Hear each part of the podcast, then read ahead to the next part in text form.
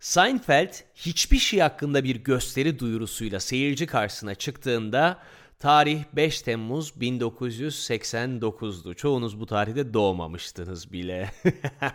bu tarihten tam 31 yıl 6 ay sonra hiçbir şey hakkında çok şey konuşmak üzere bu podcast'i başlatmaya karar verdiğimde de saat 18.30'du. Aslında uzun zamandır aklımda olan ama bir türlü hayata geçiremediğim oyundan, provadan, seslendirmeden başımı kaldıramadığım zamanları geride bırakıp ki Covid yüzünden sadece futbol maçları aralara serpiştirilmiş bir takım çekim işleri ve artık herhangi bir stüdyoya gitmeden rahatlıkla yapabildiğim dublajlarımın arasına bu işi sıkıştırabileceğimi de nihayet anladım sevgili insan ırkı. Evet, işler nasıl? Hı? Ya da daha doğrusu şöyle sorayım. Nasıl işler? Yani bu tuhaf zamanda bir şeyler nasıl işler? Evet sorulabilecek en garip soru bu belki ama hakikaten nasıl işler? Yani var mı? İş var mı? Yazın bana. Bu yayının altına da yazabilirsiniz. Ha? Mail adresimde info@ardaydin.com. info@ardaydin.com. Ardaydin tek A ile. Arda Aydın değil. Ardaydin. Evet. Buraya da yazın ve benimle bir takım işlerin nasıl işlediğine dair fikirlerinizi paylaşın lütfen olur mu?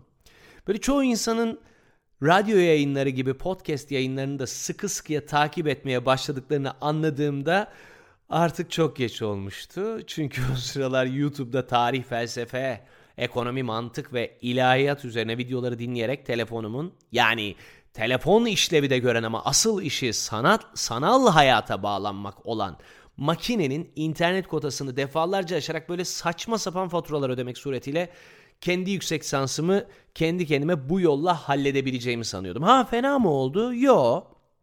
Gayet de iyi oldu ama buralarda bu kadar yayın varmış. Kimse de bana demedi ki aç da bir iki podcast dinle demedi yani. Deseydi yapar mıydım?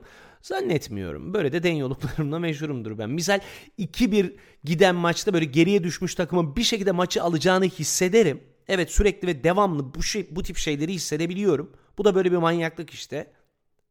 Böyle geriye düşmüş takımın bir şekilde maçı alacağını hissedip inatla o an için önde olan takımla oynadığım bahisler gibi bir durumdayım sürekli. Yani zarla zorla kazandım. Har vurup harman savurmak ve savurmakla meşhur bir tavrım var yani. Kazanç kısmı ya da kayıp miktarı çok önemli değil. Günün sonunda alacaklı kapıya dayandığında ulan Antep niye ben sana basmadım ben son paramı diye böyle hayıflanmak benim en sevdiğim ve tutkuyla bağlı olduğum işlerimden biri. İşlerimin arasında en ayrı yeri olanlardan biri de her yere ve her şeye geç kalmak. Ben saat ve zaman mevhumunu birbirinden ayrı düşünürüm her zaman. Bak mesela burada her zaman diye bitirdim cümleyi. Farkında mısınız? Halbuki her anda diyebilirdim ama o benim o yana yakıla çırpınışlarla dolu böyle feryat figan arayışların olduğu aklımın ve zihnimin tepinerek çıkartmaya çalıştığı o cümlemi o tanımı perçinlemezdi. Evet. Niye? Perçinlemek önemli çünkü. Her yere geç kalma ve zaman ve saat meselesine geri dönmeye çabalarsam ki şu anda bu çaba içindeyim. Nerede kaldığımı zor hatırlıyorum. Nerede? Ha, e, bir yere gitmek için herhangi bir zaman dilimini hedefler ya da bu bir buluşmak olacaksa eğer mesela buluşulacak kişi ya da kurumla niye kişi ya da kurum çünkü üçüncü şahıslar ve tüzel kişiler mühimdir e, buluşulacak kişi ya da kurumla bir zaman diliminde bir araya gelmek üzere anlaşırsam öncelikle elbette herkesin yaptığı gibi saat konusunda uzlaşırım. Tabii. Saat konusunda uzlaştım diyelim. Mesela mutlaka o saate yakın bir zaman diliminde harekete geçmek üzere kendimi koşullarım. Yani koşullamalarım hep araya bir şey karışmaması üzerinedir. Koşullamalarım herhangi bir engelin arada olmaması üzerine odaklanmış koşullamalardır e, bu çok fazla koşullama oldu değil mi ya? Koşullama kelimesini böyle üst üste üst üste kullanınca artık böyle kulağa yabancı bir kelime gibi geliyor değil mi? Ne tuhaf. Ama öyle havalı havalı yabancı kelime derken Fransızca, İngilizce gibi değil. Böyle daha çok Macarca, Rumence falan gibi. Halbuki ne tuhaf. İtalyanca da çok havalı bir dil ama ondan bahsetmediğim gibi böyle Latince'nin kökenine en yakın dil olan Rumence'yi de böyle daha olumsuz bir anlamda kullanıyorum. Bu tanımlamayı perçinlemek için. Bak yine perçinledim. Neyse. Ay konuya dönmeye çabalayacak olursam ki sürekli bunun için çabalamak deveye hendek atlatmaktan daha zor. Neden? Çünkü deve hendek atlamak konusunda mahir bir hayvan değil. Bir kere Bir kere ağır. Evet. Adımları uzun ve sıska bacaklarına oranla oldukça kısa. Ya çift hörgüçlü o kadar ağır bir canlıyı ne idüğü belirsiz, insan mı kazmış, doğa mı yaratmış belli olmayan bir çukurundan üstünden atlatmaya çalışmak bana her zaman böyle acımasızca geliyor. Yani böyle şeyler yapan yapmaya çalışan o kadar çok insan var ki hele Arap Yarımadası'nda. Niye Arap Yarımadası? E çünkü deve daha ziyade o coğrafyada var olmuş bir canlı. Evet. Kurak toprakların böyle uçsuz bucaksız çöllerin olduğu bu zalim kara parçasını canımız, güzeller güzeli develerimiz olmadan affedersiniz babayı arşınlardık karış karış. Hala şimdi bıraksak bir insanla bir deveyi hangisi önce tamamlar o koskoca Kalahari çölünü bir verin hele. Ha? Hangisi? Tabii ki deve. Ama araç varsa adamın altında bilemem. E, ya da kadın. E, pardon, e, insan. İnsan desem daha doğru olacak. Yani deveye de deminden beri hayvan deyip duruyorum. Deve birey demem lazım. Sonra büyük arıza çıkıyor. Alınganlık ediyor develer bile. Ya deve derken yanlış anlaşılmasın. İngilizce camel olandan söz ediyorum. Böyle human gibi. Hani böyle human. Kedilere de şimdi böyle sosyal medyada insanlara konuşuyormuşçasına böyle sanki human dedirtiyorlar ya. o da komik ona da çok gülüyorum. Kedilere zaten hep gülüyorum. Kedi videolarına da gülüyorum yani. Mal gibi 15 senedir biz kedi videosu izleyip dinleyip duruyoruz her yer. Neyse deveye deve deyip Twitter'da linç yemeye hiç niyetim yok. Zaten Twitter'da linç yemek için deveye deve dememe bile gerek yok. Ne haber lan gadasını aldıklarımı yazsam o bile bir arbedeye yol açıyor. Vay efendim sen kime lan diyorsun diyor biri. Ben de ona len dedim efendim lan demedim yani yumuşattım tatlış söyledim desem sen bana len diyemezsin ben kadınım diye girişiyor biri. Al başına belayı. Hanımefendi ben o anlamda da söylemedim hani tatlılık olsun diye desem sen Twitter'da kime tatlışlık yapıyorsun der. Yoksa aranıyor, aranıyor mu diye başlayan ve sonu gelmeyen ama dün linç ettiğini bugün hatırlamayan güruhla karşı karşıya kalmaya hiç niyetim yok. Ha bu arada Avrupa'da en çok Twitter kullanıcısı Türkiye'deymiş. Enteresan geldi mi size? Yok. Bana da hiç enteresan gelmedi. Sokağa çıkıp boyu posuyla arıza endam edip bağıramayan bir sürü dingilin yegane toplaşma noktası ya Twitter ya da ekşi sözlük zaten ama ekşicileri de şimdi linçe davet etmiş olacağım ki oldum. Zaten bu hayatta ekşicilerden linç yemeyen, yemeden duran insan insan değildir. Pardon insan birey. Heh. Neden? Çünkü her an tepeme binebilmek kabiliyeti son derece yüksek saat ve zaman mevhumu benden çok daha iyi olan bir takım kuvvetlerimiz var ki onlara öncü kuvvetler de diyebiliriz. Kapımda bitiverirler ve tüm bu söylediklerimden sonra demek istediğim şudur ki Silivri soğuktur şimdi hiç girmeyeyim canım.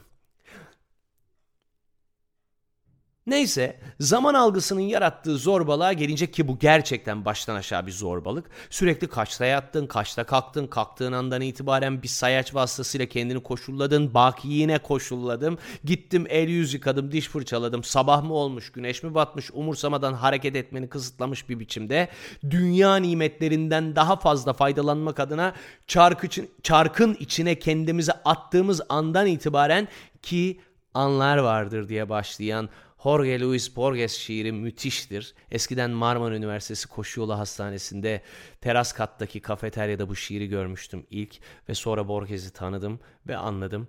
Sağ olasın şimdilerde Acı Badem adı altında franchise bir otel hizmeti vermeye ve sağlık poliçelerine ekstra masraflar kitleyen ve halkın donuna kadar alan eski Marmara Üniversitesi Hastanesi o kendimizi çarkın içine attığımız andan itibaren geri dönüşü olmayacakmışçasına, yarın yokmuşçasına çalışmaya ve daha çok, daha çok, çok daha çok çalışıp güneş battıktan sonra tekrarladığımız bir şey başımızı yastığa koyduğumuzda geçti mi geçmedi mi bildiğim bilmediğimiz bilinçsizce algıladığımızı sandığımız lanet saatlerdir bizi mahveden of ulan noktasız aralara virgül aralara böyle tire ata ata konuştuğum bir cümle kurdum. Of.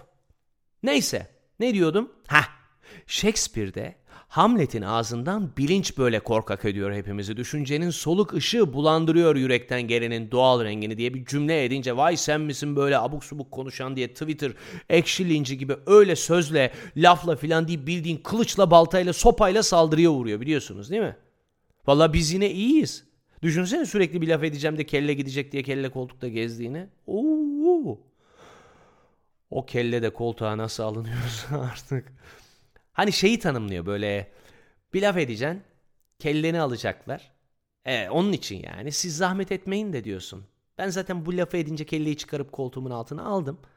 Mars olmuş tavlacı gibi koydum koltuğumun altına. Hemen takdim edeyim haşmetlim gibi böyle değil mi? Kelle koltukta. Koltuk da çift anlamlı. Hem oturuyorsun üstüne hem böyle yumuşak filan. Hem de kolunun iç kısmı ve omuzla böyle kolun birleştiği yerin tam altında ter bezleriyle meşhur böyle, böyle kıl filan çıkan bölge. Ay. Neyse. Bu yayını koltuk altı ve kılıyla bitirmek istemezdim. Lakin konu oraya geldi. Nereden geldi bilmiyorum. Hiçbir şey hakkında konuşacaktık ya. Evet mecburen bitiriyorum. Vakit geç oldu. Evet işimiz gücümüz var yani. Yazın bana dediğim gibi. Hiçbir şey hakkında konuşulması istediklerinizi söyleyin. Konuşulmasını istediklerinizi. Evet. Ben de bunun üzerine rahmetli Başbakan Süleyman Demirel gibi çok şey söyleyip boş boş konuşmaya devam edeyim. boş konuşmak değil yani. Rahmetli Başbakan Süleyman Demirel'e çok şey söylerdi ama hiçbir şey söylemezdi ya. Evet dün dündür bugün bugündür falan gibi şeyleri vardı onun. Neyse. Ne diyordum? Ha son olarak eğer bu yayın sürsün istiyorsanız bu yayın sürsün demeniz içinizden herhangi bir dua okumanız ve havaya bakıp ulan bugün de hava ne acayip demeniz yeterli. Şimdiden hepinizin yeni yılını kutluyorum. Yeni yılda Covid'siz güzel bir Ocak ayı diliyorum. İlk olarak Ocak ayını atlatırsak sonrasında getiririz. Hadi öpüyorum hepinizi. Sevgiyle kalın.